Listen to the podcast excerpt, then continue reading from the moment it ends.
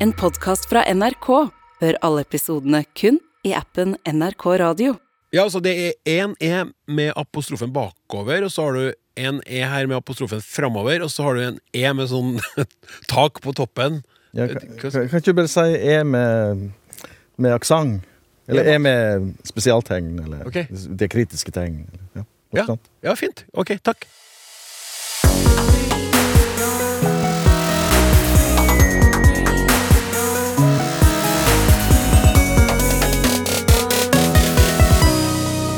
Hvordan bør vi uttale ord som ender på asje? Hva kan vi si istedenfor høyre og venstre back? Vi har ett til spørsmål om plassering av preposisjon. Og i dag er jeg spent, for en lytter undrer.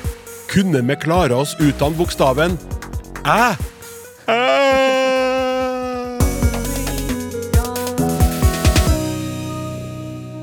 Jeg kan ikke garantere at denne utgaven av Språksnakk blir like spennende som ja, eksempel en thriller av en fotballkamp mellom Rosenborg og Bodø-Glimt på et utsolgt Lerkendal stadion. Juhu! Men om du er interessert i språk og gira på å lære noe nytt, da har du definitivt valgt riktig program og eller podkast.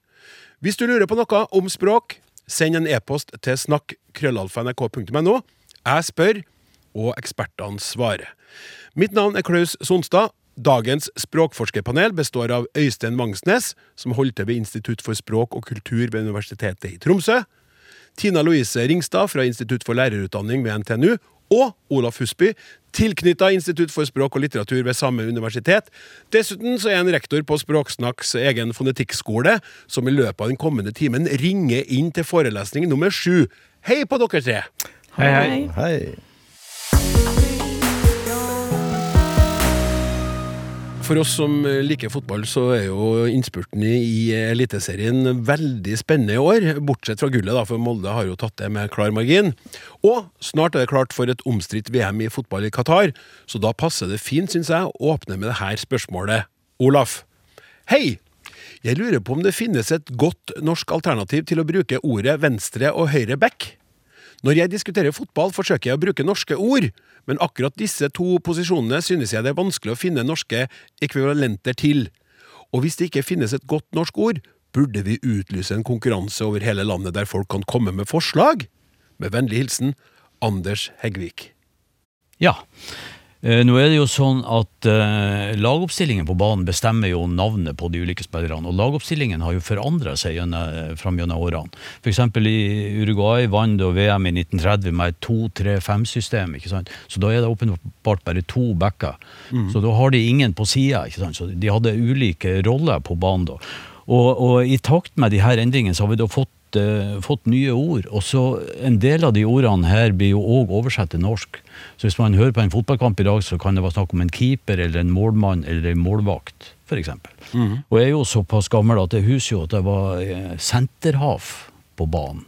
Og center forward. Senterhafen han ligger på en måte midt i, på midtbanen, og center forward er jo den som er kanskje nieren i dag, altså senteren i dag. Og så har du da fått sant, vinger, du har fått midtbanespillere, du har indreløpere, du har høyre, du har venstre. Så det er et ganske rikt vokabular her. Mm. nede i backrekka så har vi jo, har vi jo midtstopperne. Eh, naturlig nok på midten, og de kanskje ser jeg høyre og venstre, hvis man nå sorterer de. Men ser jeg de to på sida, da? Ja. Hva skal vi kalle de? Og det er jo litt avhengig av den rollen de har. Hvis de driver og kjører opp og ned langs sida her, så er de jo wingbacker, kaller jeg det jo. Og hvis vi skal begynne å gjøre norsk av deg og kalle vingstopper, det høres litt, eh, litt, litt rart ut. Ja. Men hvis vi tar utgangspunkt i at de heter midtstopper, og de her står på sida, så kanskje vi kan si sidestoppere. Sidestoppere. Ja, ja, det var, ja, artig. Ja, Problemet med sidestopper er at det er et langt ord, og hvis du da skal presisere om det er høyre eller venstre sidestopper, og kampen går fort fram, så har du kanskje ikke tid å si det. Så, Heftig på radio. Ja. Heftig på radio skal Ja, kommentere der. ja.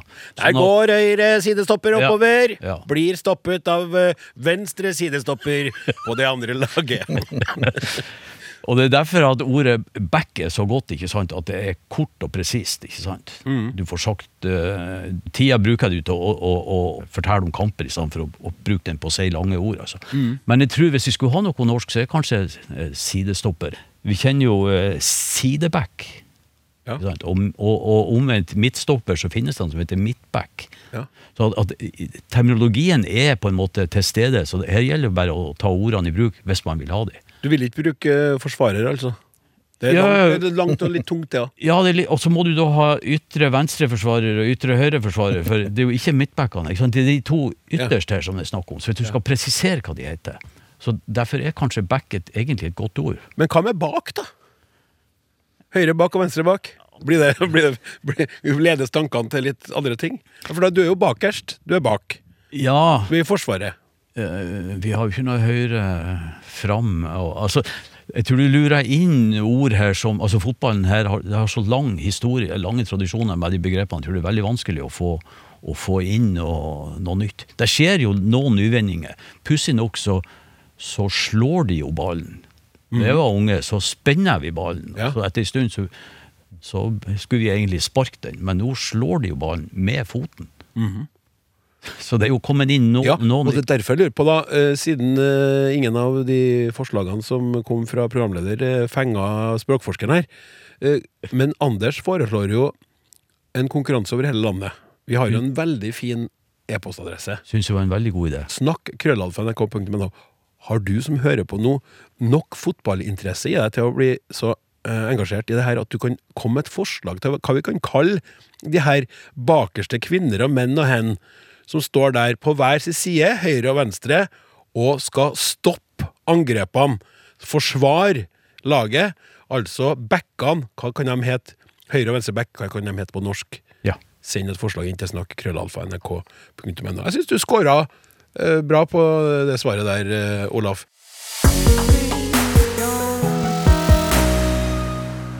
Hei, Språksnakk! Kan dere være så snille å forklare sportskommentatorer og nyhetsopplesere at man ikke taper f.eks. 5-0? Det heter da 0-5. Hvis det går så galt, da. Det skjer til stadighet, selv om tapene ikke alltid er så store, heldigvis. Og senest i dag hørte jeg en nyhetsoppleser som snakket om strømprisene og sa at kilowattprisen i nord var 400 ganger billigere enn i sør. Kan man si det? Spørsmålstegn, spørsmålstegn, spørsmålstegn, undrer farmor. Er to forskjellige spørsmål, eller skal vi prøve å svare på dem i ett? Jeg tror vi kan prøve å ta det under ett, Ja. egentlig. Uh, jeg syns det var litt artig at jeg kunne få svar på et sportsspørsmål òg, da. For i motsetning til en Olaf, så var jeg helt fullstendig blank på det her. Så jeg skjønte faktisk ikke helt hva som lugga da, for farmor til å begynne med, med det her med å tape 5-0. Så jeg har spurt en god del folk som kan mer enn meg om eh, sport, og da ble ikke jeg særlig mye klokere. For det er utrolig mye forskjellige meninger om det her. Ja.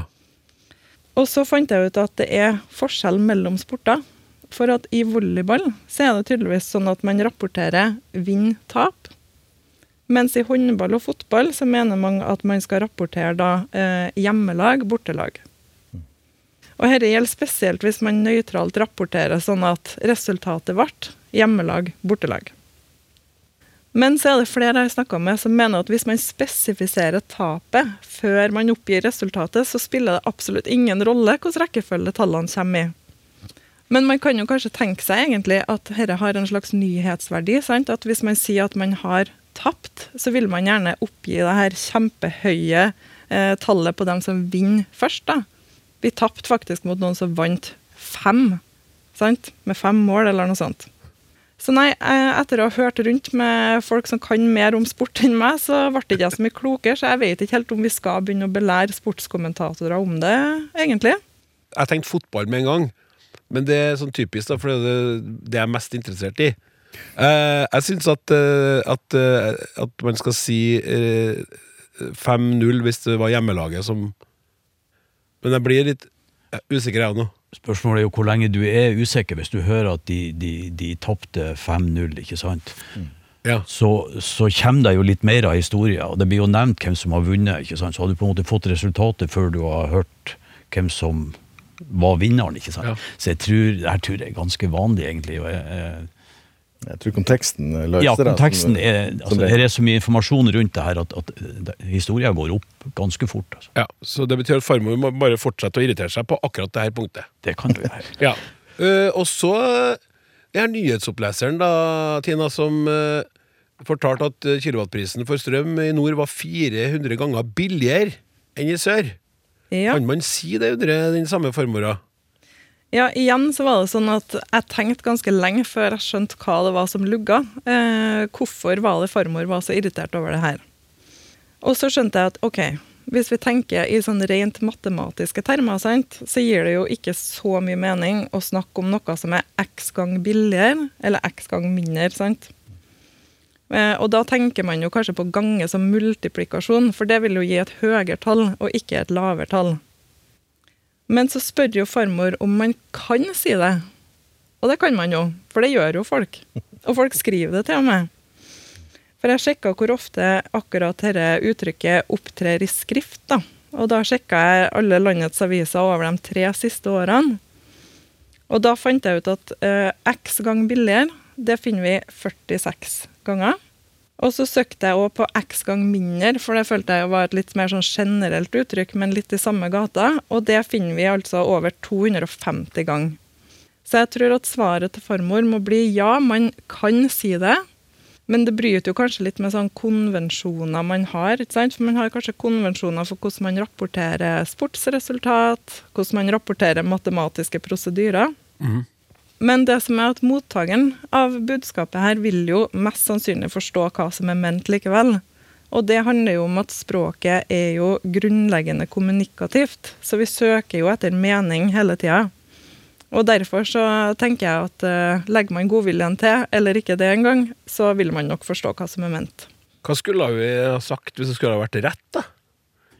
Bruker matematikken, så blir det sånn en firehundredel. Men veldig komplekst. Ja, det er akkurat det. For du tar det jo veldig kjapt. Ja. Men så, så det, og det er jo noe som fascinerer uh, med språket, og som jeg har tenkt mye mer på etter at jeg begynte i språksnakk, det er at sånn som det her, som er på ett vis feil, og farmor har rett i at, at det er feil, hvis vi ser matematisk på det. likevel så forstår vi alle hva det betyr, og det er, veldig, det er en veldig enkel måte å si det på. Sånn at du kjenner på raseriet eh, i sør for denne prisen som er så ufattelig mange ganger billigere i nord. ja.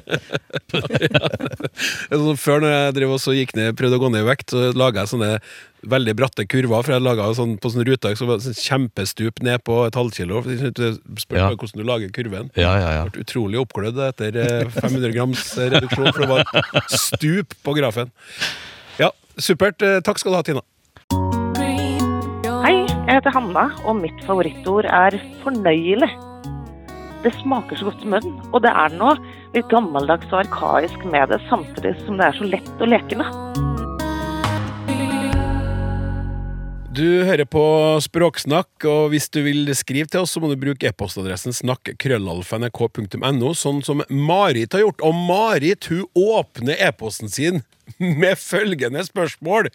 Kunne vi klare oss uten bokstaven æ? Jeg får lyst som trønder til å si hæ? Men uh, isteden skal jeg lese videre. Det er flere uttalelyder for bokstaven e og flere uttaler av æ utover i landet. Vi har lært hva ord som skal skrives med æ, resten skal skrives med e, eller ingen av delene. Fins det en dialekt der folk ville klare å treffe rett på skrivemåten i hvert ord, ut ifra uttalen, hvis de ikke hadde visst hvordan det skulle skrives? Spør du en bergenser, skal det sikkert være æ i alle ord. Spør du en sogning, har vi ikke bruk for æ i det hele. Og mellom Indre Sogn og Bergen er det bare en avstand på én Sognefjord, som selvsagt ikke er lite, men likevel. Vi vet at bokmålet har bakgrunn fra, fra dansk. Når ordet være, skal skrives være på bokmål, har det sikkert ikke rot i uttalen. Her er det bare ulike staveregler av historiske grunner. Derfor kunne vi ikke like godt hatt én bokstav som dekka alt. Bruken av e med aksenter ekstrateiknen har vært framme i senere tid. Jeg mener å ha hørt at en gjerne ikke skal bruke deg. Det er sånne apostrofer sånn som jeg nevnte i starten. Skulle vi hatt et dus, dusin ulike e-er for de forskjellige uttalelydene, tror jeg kanskje ikke de, de ulike dialektene ville bruka de samme e-ene på de samme plassene. Så, hvorfor spreia jeg tilfeldig utover slik det ser ut som det er gjort? Kan du plassere æ-en etter uttalen? spør Marit. Jeg må si, etter å ha blitt uh, urovekka i starten av spørsmålet, at jeg er spent på svaret ditt, eh, Øystein. Ja. Hei, Marit Medsogning, før vi begynner å si det. Jeg kan jo begynne med å bekrefte at uh, vi sogninger vi klarer oss uten æ. Så vi sier jo uh, lærer og ja, være, selvsagt, og, og så videre. Så det er ikke æ i vårt repertoar av vokaler, for å si det slik. da. Men uh, slik er det jo ikke i alle dialekter. Og dette her spørsmålet, eller det er jo en lang rekke med spørsmål, det åpner jo for en, veldig mye vi kan si her. Jeg har lyst til å starte med, én ting som er, kanskje går litt på det at du ble urovekka, da. Og det er jo at uh, selvsagt for en trønder så er det mye æ. Og egentlig så er det slik at uh, fra en eller annen plass nord på Østlandet og, og nordover, så er veldig mange av de ordene som blir skrevet med e i skriftspråket, har uttalen æ. Så det heter hest og fest. og det heter ja, ette, sant? Eh, og det er et fenomen som vi kaller for lågning, da, eller senking. At, at en e, en kort e historisk, har blitt til æ. Eh, Sånn at eh, for trøndere og nordlendinger så er det ikke mulig å si når du skal skrive æ og når du skal skrive e, sånn hvis du går etter uttalen. Um, men det betyr ikke at eh, de ikke kan klare seg uten e. For det fins e òg i nordnorsk og trøndersk. Eh, og faktisk er det slik at eh, mange av de e-ene som fins, de, de er opphavlig en i. Sånn at der, der har du òg hatt en senking. Så fisk til fisk og, og, og så videre. Ja. Og hvis du går til østnorsk, da, der du kanskje er mer sånn korrespondanse mellom, mellom bokstavene og uttalen, slik at eh, mange av de æ-ene en har, de, de er kommet inn eh, der du har en r etterpå. Så det skjedde en slags farging. da. Så akkurat være er jo eh, Der har du en r etterpå. og Det, det finner du òg mange andre plasser på i, i Sør-Norge, da. At, Ja. eh, at du får en æ-lyd eh, framfor æ. r. Så eh, noe som kommer inn, eh, som jeg hører en del òg blant østlendinger, særlig unge østlendinger, det er at eh, det kommer inn en såkalt eh, vi kan kalle det bokstavrett uttale. Eh, der en uttaler en æ der jeg, da, hvis, jeg tar fram min indre østlending Ja, for du, Så- du, vi har jo snakka med deg før. Øystein, ja, ja, ja, ja. her, ja her ok, Jeg kan snakke litt østlending nå, da. Så da, da er det sånne ord som eh, bevæpning, ikke sant? Eller eh, hvete. Eh, de uttales da Vil jeg uttale med e, men det skrives med æ. ikke sant? Og, men jeg hører unge østlendinger som sier bevæpning, eh, væte og, og sæd istedenfor sæd. Eh, så og nå går du tilbake til Sognamal, for det er tross alt tøffest. Der har en altså eh, fått eh, Der ser en at det kommer inn en sånn bokstavtru eh, uttale. Og så er det litt sånn kaotisk system her. Altså, Hvorfor har vi æ i de ordene der da en østlendinger østlending sier er For å ta et lite filologisk poeng, så henger det i hop med at eh, de, disse æren går tilbake på en, en, en, eh, en lang æ i norrønt, som i, i sin tur er i-omlyd av lang a. Sant? Sånn at eh, bevæpning, eller væp, væpn, da, kommer av våpen. Sant? Det er den lange a-en som ble 80 år. Og eh, eh, sæd går til uh, så, som er å så korn, eksempel. Og, og væte til våt. sant? Det er òg en ting med skriftspråket vårt. Det er en, en sum av, av historie og eh, forsøk på å eh, gjengi sånn som vi snakker. da. Sånn at Vi har en del sånne konvensjoner som egentlig er eh, skuldes historikk. Så eh, ja. Eh, mye å si og eh, vanskelig å klare seg uten bokstaven er hvis en skal dekke hele eh, mangfoldet av eh, talemål i, eh, i norsk, da. Og- Det ville jo kanskje vært lettere i et land der man har færre dialekter og sånn òg. Vi, vi er jo veldig dialektrik i Norge. Ja. Vi har- mye, mye forskjellige dialekter mange forskjellige måter å si ord på. Så, hvis du skal Marit, da, Marits ønske om å bli kvitt æ-en, ja. det eh, Det er kanskje et litt sånn håpløst prosjekt. Det er et uh, håpløst prosjekt. Hvis en skal dekke alle eh, eh, skal man dekke alle? Ja, ja, nei, men altså, Det jeg gjør jo uansett ikke det. Sant? Så Ja. alle må lære seg litt eh, sånne idiosynkratiske ting, da. Mm. Eh, hvordan uttalen passer til sånn som de snakker. Det er jo ett område hvor jeg nesten er utrydda i norsk, og det gjelder fornavn. Det finnes nesten ingen norske fornavn som har bokstaven Æ. Ytterst få. Sæmund, for eksempel, er jo et av de. Og, Ja, Der ville jeg ha sagt Semund. ja, ja, så har du Ægir. ja, ja. Så ytterst Ja. få. Eh, men nå ser jeg jo at eh, i, i takt med, at, eh, med innvandringa og at folk kommer ut i jobb Det er bl.a. en journalist i Adresse som jeg tror har iransk bakgrunn, som skriver na- fornavnet sitt som Sæba. Ja. Sæba Bayogli? Ja. ja. Og det stemmer jo med, med lydverket i, i persisk, som har en sånn djup bakre A og så en framre Æ. Så jeg går ut fra Hosei Sæba. Mm. Og som kunne vært et, et norsk navn. Så noen av de de vil altså bringe Æ-en inn i den norske navnetradisjonen igjen. da. Ja. Men Æ-en er nesten utrydda. Altså. Vi har jo et veldig hyppig ord i norsk, og det er jo er, eller er.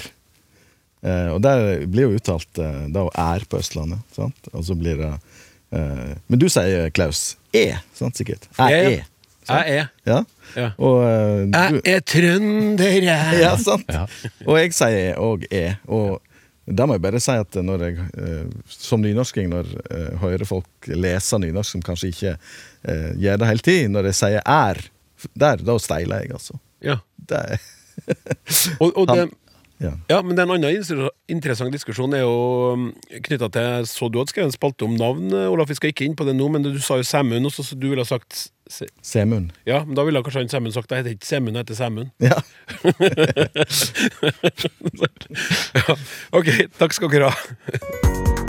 Språksnakk med Klaus Sonstad.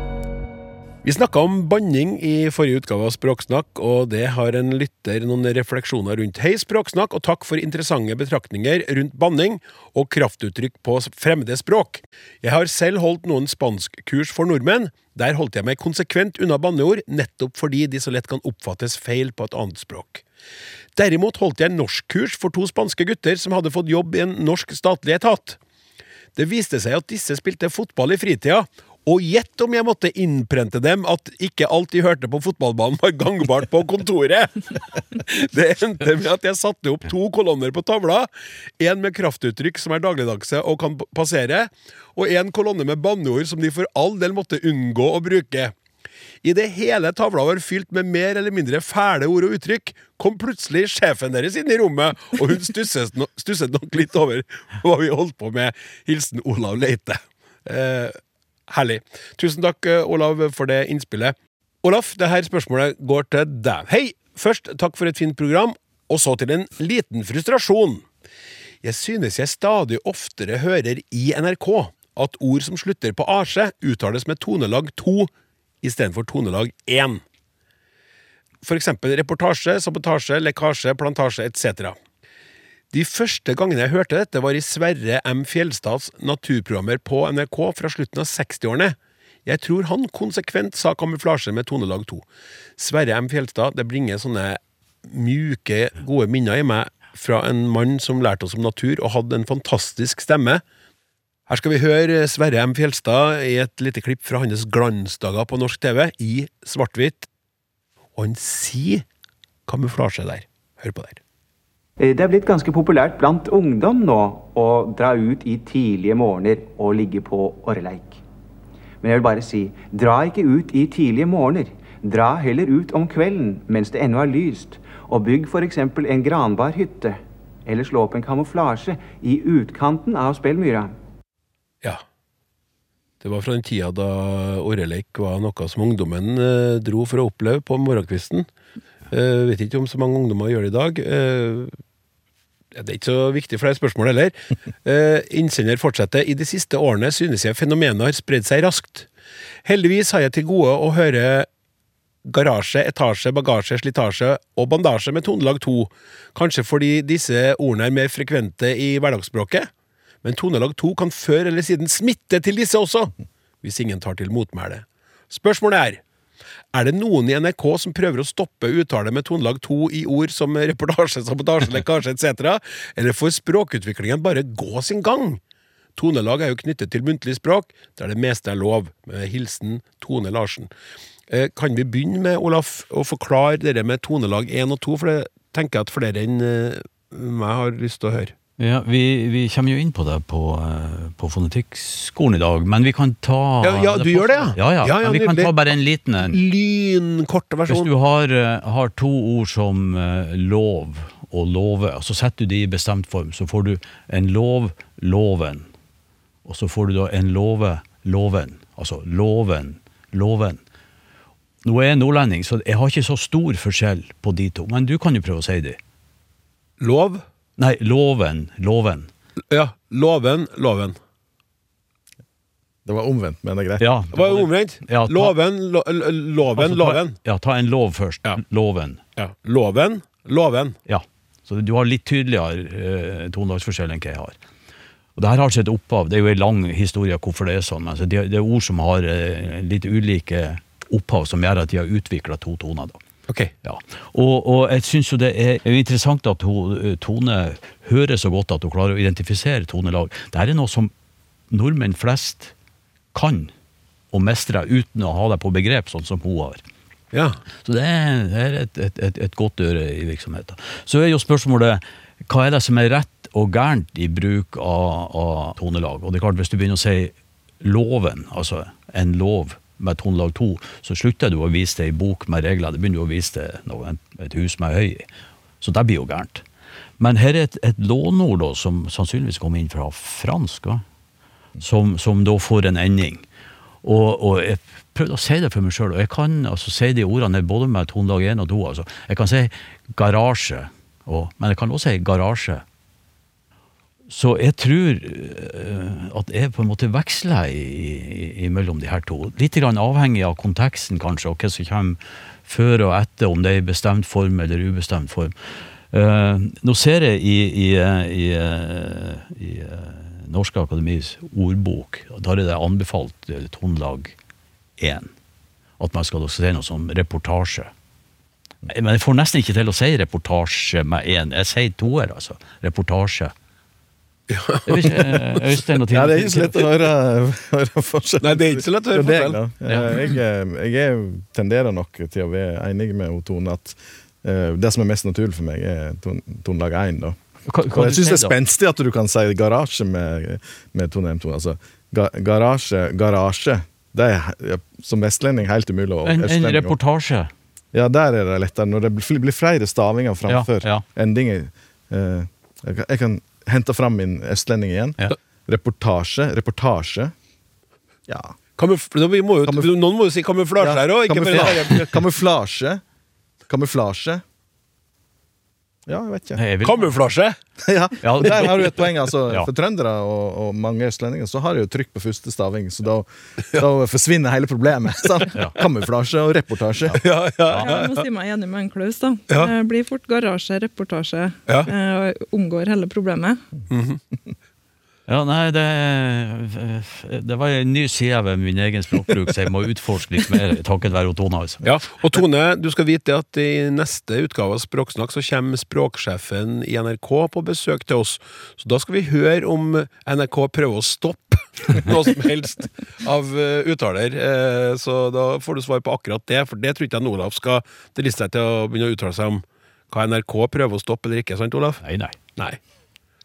Har du noe mer å tilføye?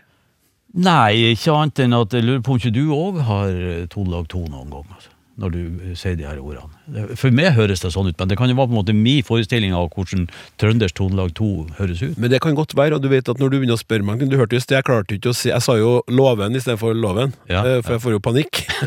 Prestasjonsangst. Det har du jo opplevd flere ganger i fonetikkskolen òg, som vi snart skal komme til. Så jeg aner jo ikke sjøl hva jeg driver med. Du får heller lytte til Språksnakk og si meg hva jeg sier, Olaf, og hva jeg gjør. Og om det finnes et tonelag 3, så driver jeg sikkert og bruker det også.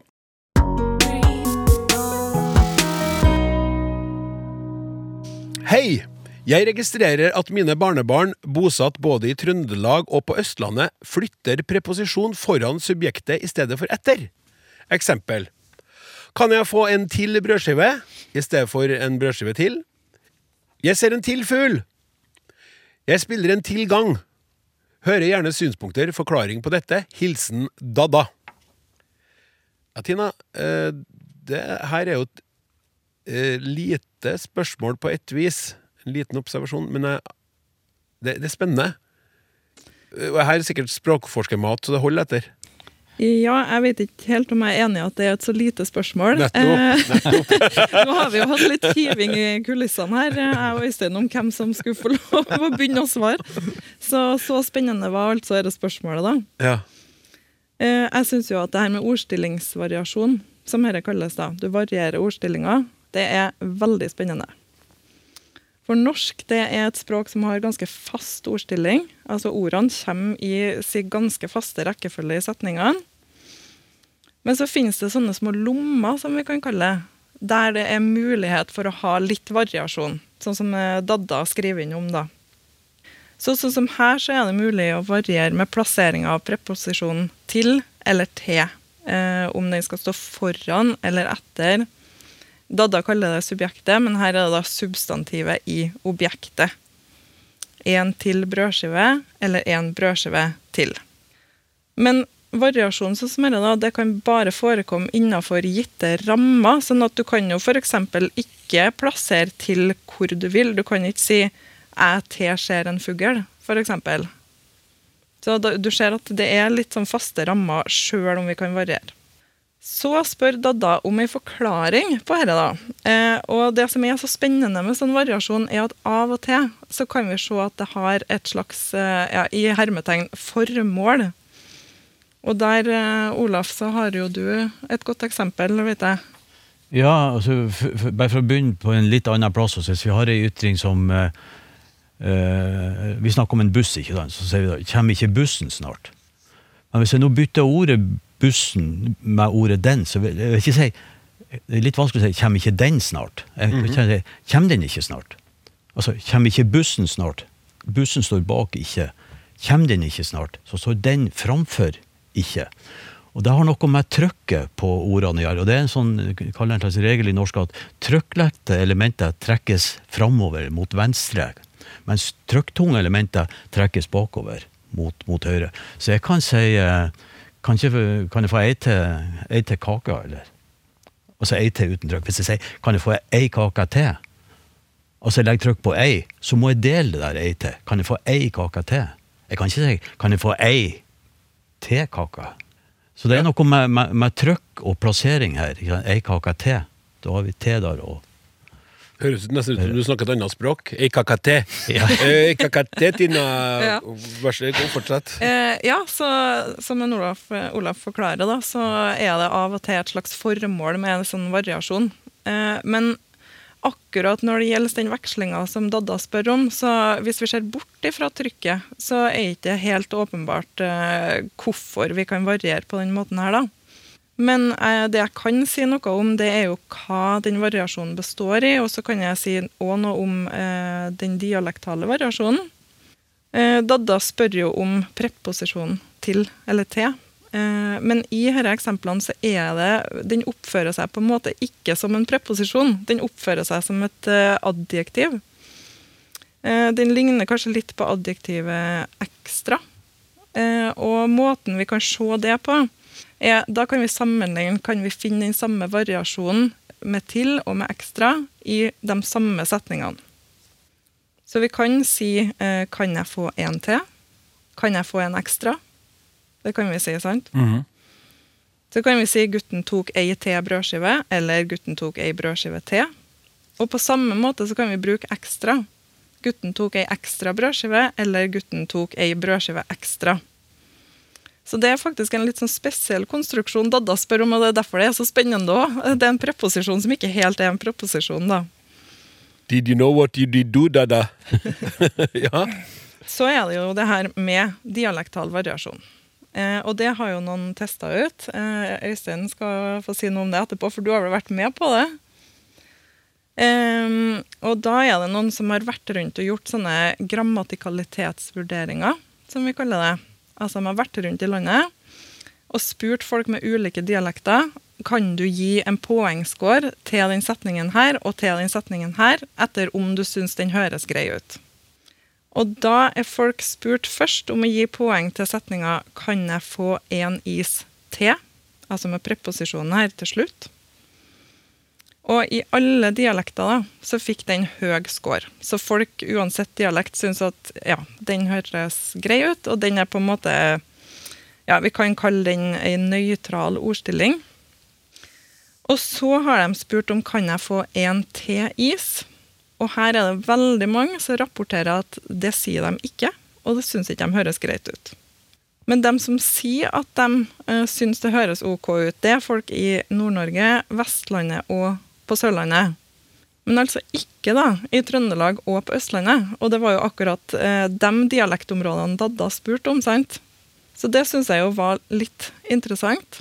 Eh, og spesielt fordi eh, jeg sjøl er jo trønder, og jeg syns det høres helt kurant ut, faktisk. Altså, kan jeg få en teis? Det høres helt kurant ut for meg. Ja. Jeg er trønder, og for meg høres det rart ut.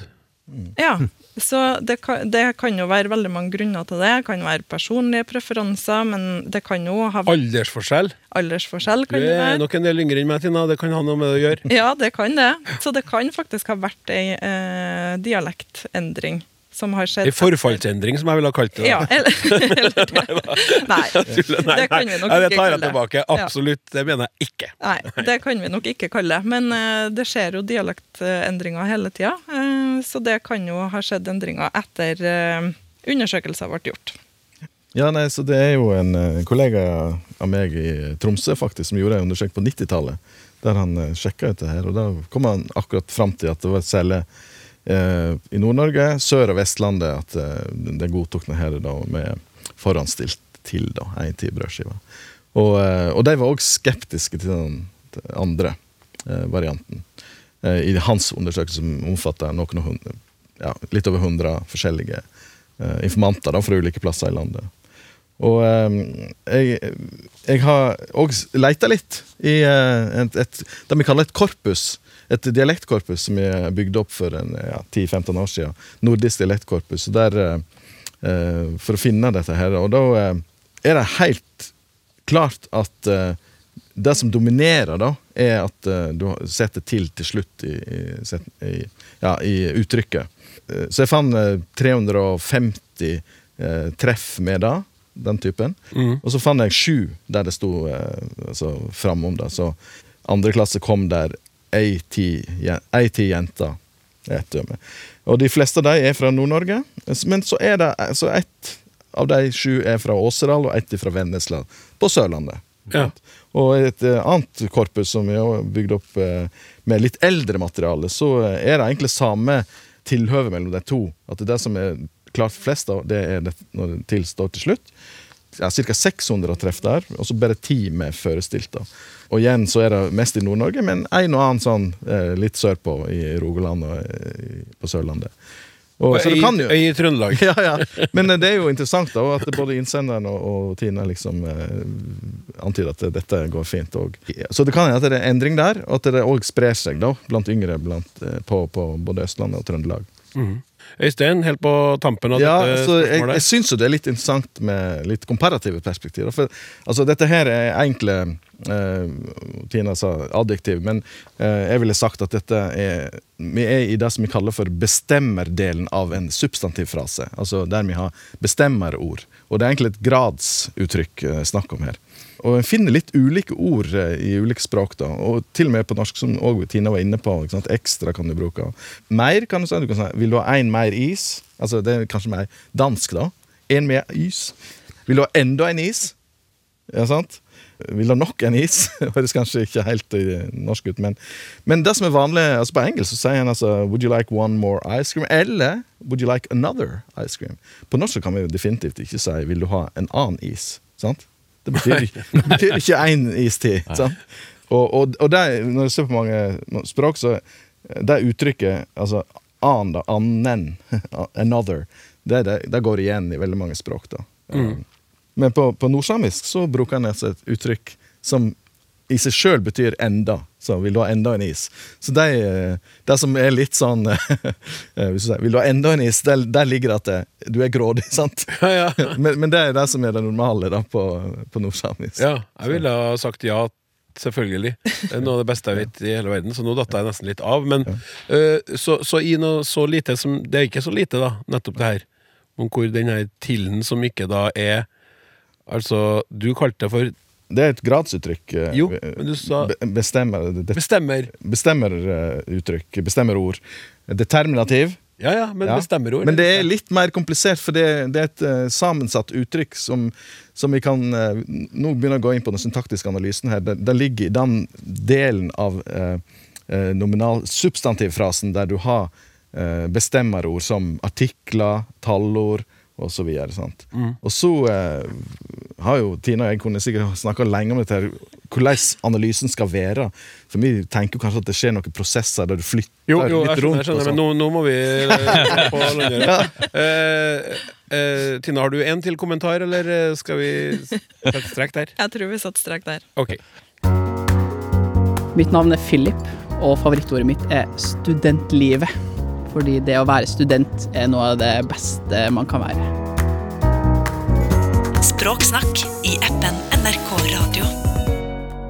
Da, kjære alle sammen, er det en stor glede for meg å si at nå er det klart for Apa, Apa, ata, ata, atja, atra, aka. fo, fo, fonetikkskolen. Ja da, det er klart for en eh, ny leksjon i fonetikkskolen. Sitter her med rektor Olaf Husby, eneste lærer også på denne skolen. Vi har ikke så mye midler at vi kan ansette en hel haug, vi må lene oss på én kar. Eh, vi har vært gjennom mange forskjellige sider med fonetikken, Olaf. Sist nå så var det stavelsen, Ja, og nå skal vi til nå skal vi til ordet. Nå skal vi til ordet. Ja. Og eh, vi skal ikke snakke om ordklosser og, og, og den type ting. Vi skal heller se på ordet som en, en, en lydlig enhet. Og jeg kan jo bare til å begynne med ta et sånn lite sidesprang til hva som skjer i, i skrift, for da ser vi jo at, at folk eh, nå deler en del ord som er sammensatt, ikke sant?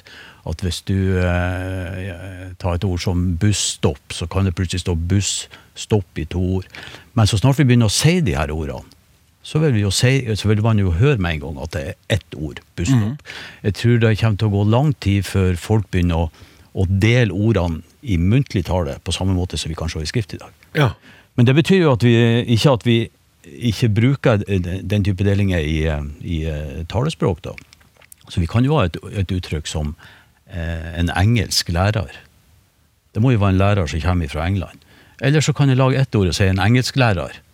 Han kan jo være tysk i Norge, men som underviser i engelsk. ikke sant? Så vi ser her, plutselig når vi begynner å, å, å, få større enheter å arbeide med i språket, så dukker det opp flere faktorer som spiller inn, og som er med å forme ordene. Og på ordnivå så snakker vi om, om eh, tre ting da, som er, er, er særlig viktige. Vi har jo tidligere vært innom om eh, lengde på, på vokalen. ikke sant? Ord som sin, sinn osv.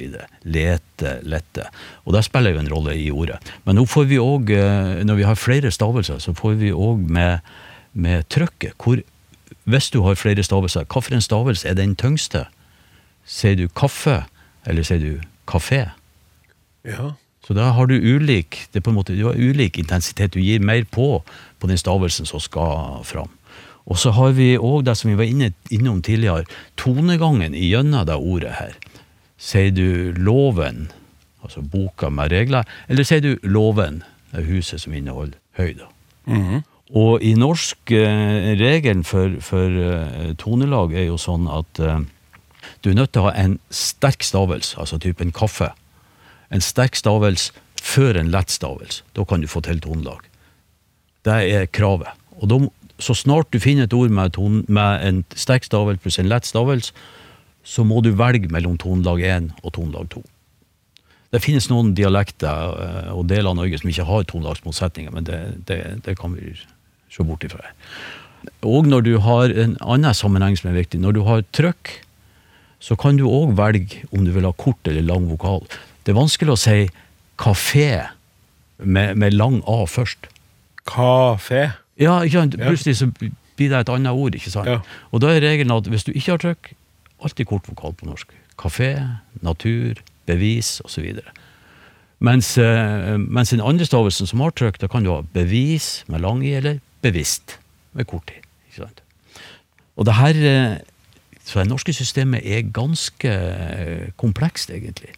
Det med tone er jo en, en, en, en spennende sak. Masse språk i verden som har, har toner. Men det systemet som, som vi har, der med den kravet om tung og en lettere stavelse, er det ganske få språk som har det. Norsk, svensk i Europa kanskje som, som har det. Danskene har det ikke, f.eks. De har en, der har det utvikla seg på en, i en annen retning. Men vi har språk som eh, da kan lage toner, eller produsere toner, i én stavelse. Jeg kan jo gjøre det på norsk. Jeg kan si sånn ja, ja, ja. Og da, da Ja. signaliserer mer sinnsstemning, ikke sant? Men hvis at vi tar noe Jeg har nettopp vært i Vietnam og, og, og, og øvd meg litt. Så det, vi kan ta noen vietnamesiske ord her, bare for å høre. Så hvis jeg sier da for eksempel eh, mæ, så betyr det spøkelse. Hvis jeg sier mæ, så betyr det mor. Og hvis jeg sier Åh, det, var, det var veldig nært mellom spøkelse og mor. Det er ingen, ingen betydningsmessig sammenheng her. i Nei. det hele tatt. Overhodet ikke. Nei. Nei. Jeg kan ta og si mæ. Det betyr menn, eller som. Og så kan jeg si mæ. Det betyr grav. Så kan jeg si mæ. Det betyr hest. Nei, unnskyld, kode. Ja, det kan jo bety hest. Og så kan jeg si mæ, som betyr en liten risplante. Så når vietnamesere snakker, og det er det som gjør det så veldig vanskelig å, å forstå vietnamesisk tale, ordene der har bare én stavelse. Ja. Og selvfølgelig så snakker Hvis de du sier 'jeg så et spøkelse som ligna på mora mi som rei på en hest ute i en liten rismark', da er det full kaos for oss når du skal prøve å forstå. ja, da. og jeg har store problemer med å på en måte klare å identifisere tonene i rask tale. For det er klart at sånn som jeg sier de nå, så gjør jeg de veldig tydelig. Men i rask tale så jamnes de ut. Men ikke lenger enn at, at vietnamesere klarer å, å å, få det, eller forstå hva som blir sagt. da. Og det her er jo et evig problem å huske òg. Heldigvis så skrives vietnamesisk med latinske bokstaver. Og hver av de her, Vi var jo innom sånne småtegn over bokstavene når vi snakker om e. Sånne tegn finner du over ord i vietnamesisk. Så de gir meg en gang signal om hvordan ordet skal uttales. I motsetning til kinesisk. Hvis du ser et kinesisk ord, så er det en mye vanskeligere prosess å finne uttalen Ja. i, i ordet. da. Med mindre det er skrevet på latinske bokstaver, med toner, selvfølgelig. Da, da ser man. Så eh, det her med, med tone er jo et problem når man eh, eh, skal lære norsk òg. Altså innvandrere som, som prøver å, å, å, lære norsk. Sånn generelt sett så tror jeg kanskje at den tonen som er på en måte nøytral, det er tonelag én, altså loven. Den ser ut til å ha mer til felles med andre språk. Mens tonelag to, loven, den er mer avstikkende. Så noen oppdager da tonelag to som spesielt, og så begynner de å overforbruke det. Så at når Ja. de egentlig skal si loven, så sier de loven. Og vi har jo en NRK-reporter som for tida jeg har hørt flere ganger som sitter i Rio de Janeiro. Jeg tror han, han er nok nordlending i bunnen. Han tror jeg har, har et lite overforbruk av tonelag to, da. Han har jo en, en litt spesiell intonasjonsmønster, kanskje en, sånn, en tilnærming til østnorsk. Og så har han overgeneralisert litt, grann, fått inn flere toere enn jeg Nå må vi understreke at denne korrespondenten ikke er her for å kunne forklare seg eller forsvare seg i dag, så vi må nesten gå videre i Ja. fonetikkskolen, Olaf, eh, Ja. før vi får trøbbel Men kan vi jo uh, altså Hvordan ser tonelagene ut? Hvis vi tar østnorsk, så kan vi ha tonelag 1 den starter på en, øh, en, en låg tone, og så stiger den da. Huset. Og så har vi da en, øh, en, en tonelag 2 hvor den første, den, har du et fall i den første tonen. Hu, altså og huset, da. Og hu, huset. Og vi har noen eksempler. Jeg har en kollega av meg som heter Torstein Fredheim, som er veldig flink til å, å, å gjøre det her tydelig. Så jeg tenkte vi kunne høre på ei setning her med helt vanlig norsk tale. I juli dette året skal Olaf være i året. I juli dette året skal Olaf være i året. Ja. Så eh, ba jeg Torstein, kan du eh, ta og så sier du alle ordene med tonelag 1? I juli dette året skal Olaf være i året. Her, her skjer det noe, hva? Her skjer det noe. Ja. Og så ba jeg han om å, å si det med alle med tonelag to. I juli dette året skal Olaf være i året. Ja, det er norsk, men det er noe feil her. Og så til slutt så ba han om å bytte enerne og toerne. I juli dette året skal Olaf være i året. Ja, på den siste så blir nesten betydninga borte, ikke sant? Mm. Olaf være i året. Og det viser jo hvor et, et viktig signal de her tonene inneholder uh, for oss når vi skal identifisere ordene og, og, og forstå dem. Det, er så interessant der, for jeg husker da jeg var liten, så lærte jeg meg en sånn setning som var sånn Der jeg er la hopper man lett over. Aha. Og det er da Der gjerdet er lavest, hopper man lettest over. Ja, ja. Skulle bare si det sånn at det hørtes utenlandsk ut. Ikke sånn. Ja, ja, ja. Der gjerdet er lavest, hopper man lettest over. ja, ja.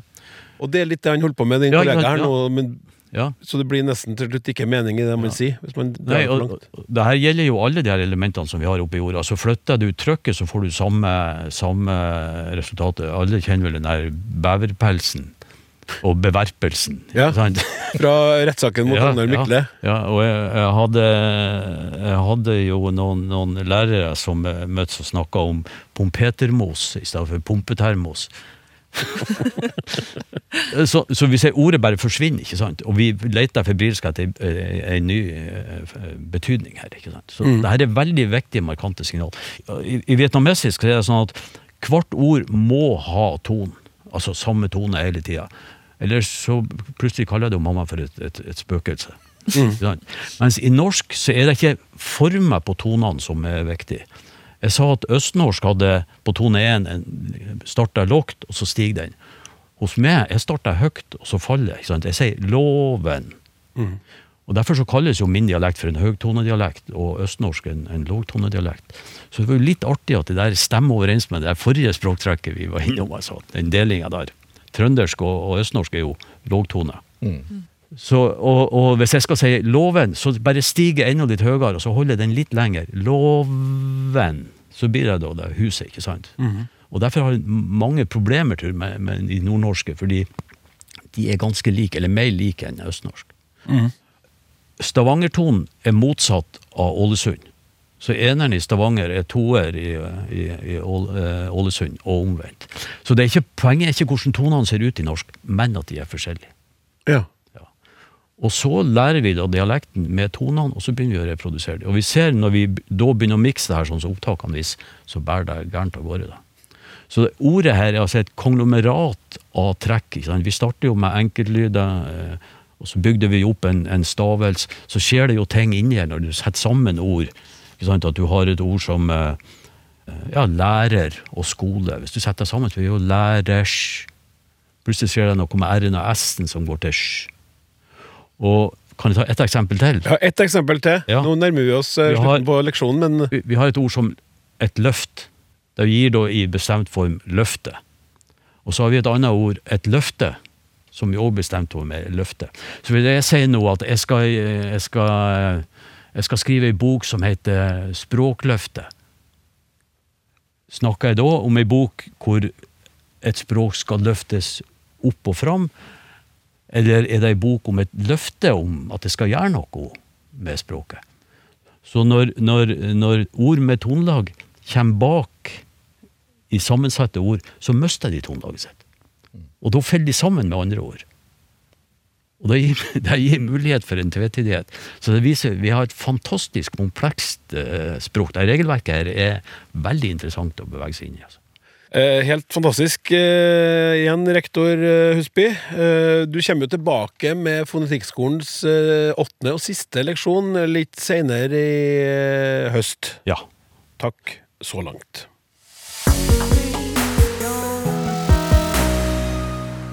Hei, Språksnakk! Bodø kommune sin næring- og utviklingsavdeling har skiftet navn til Samfunn- og næringsavdelingen. Dermed ble det en litt morsom diskusjon om vi skulle endre til Samfunn- og næringsavdelingen eller Samfunns- og næringsavdelingen. Det er vel det siste som er grammatikalsk riktig, men mer tungt å si. Og har vi i alle år, år hatt feil stavelse av det gamle navnet? Med vennlig hilsen Ingrid Agathe Bey Larsen, miljørådgiver Bodø kommune. Øystein, artig, men en S her og en S der, da, som vi lurer på om skal være med eller ikke. Ja, korte svaret er vel at eh, eh, det kommer litt an på hvem vil ha fram. Eh, det blir en betydningsforskjell da, hvis det blir altså samfunn- og næringsavdelingen versus samfunns- og næringsavdelingen. Er det egentlig to avdelinger som opererer under ett navn, eller er det ei sammenslegen avdeling, altså samfunn og næringsavdelingen? Sant? Eller om det er liksom to, to ulike. Og det er vel kanskje det at en har slått sammen, og da eh, fremdeles har de to eh, hva skal si, områder som de jobber med, innenfor én eining. da. Så jeg er vel kanskje enig med innsenderen her at eh, eh, det kan godt være S på begge. Ja. S på begge. Samfunns- og næringsavdelingen. Eh, Som er grammatikalsk riktig, men mer tungt å si. Er det veldig mye mer tungt å si? Nei. Nei? Uh, Tina? Nei, jeg syns egentlig det var lettere å si samfunns- og næringsavdelinga. Ja, for det stopper nesten med samfunn Mm. og næringsavdelinga. Eh, Kan det være lov å si, fonetiker, Husby, rektor, at man, at man føler at man ikke stopper det i ordet som- på samme måte som Nei. samfunn og næringsavdelingen? Stemmer. Alt, alle reglene i norsk oppfylles her. Altså. Jeg, jeg kikka bare over, jeg fant jo styrings- og betjeningspanel, jeg fant stortings- og sametingsvalg. ikke sant? Vi kan jo dra en parallell til et annet uttrykk med en fugebokstav som ikke er S, men fuge E. Og det er hunde- og kattemat. For hvis jeg ber deg, Klaus, om å gå på butikken og kjøpe hunde- og kattemat, da kommer du tilbake med to sekker. Mm. En til hunden og en til katta. Men ber jeg deg om å gå og kjøpe hund- og kattemat, da kommer du tilbake med én sekk som er beregna på hunder og katter. Ja. Så den lille e-en, eller den lille fugebokstaven, kan ha stor betydningsforskjell. Samfunns- og næringsnæring Nei. Men i alle fall, eh, eh, der må jo du og dere bli enige med deg og dere sjøl, Ingrid. Hvem dere egentlig er, og hva dere egentlig driver med. Eh, Da er Språksnakk eh, faktisk eh, ferdig for i dag. Jeg må få lov til å takke Øystein Vangsnes, Tina Louise Ringstad og Olaf Husby, språkforskere alle tre, for innsatsen. Og så vil jeg bare si det at i redaksjonen så har tekniker Martin Våge skrudd lyd. Journalist Randi Lillehatteren har forberedt sending sammen med meg og Hilde Håbjørg, som er produsent. Mitt navn er Klaus Sonstad. Vi snakkes!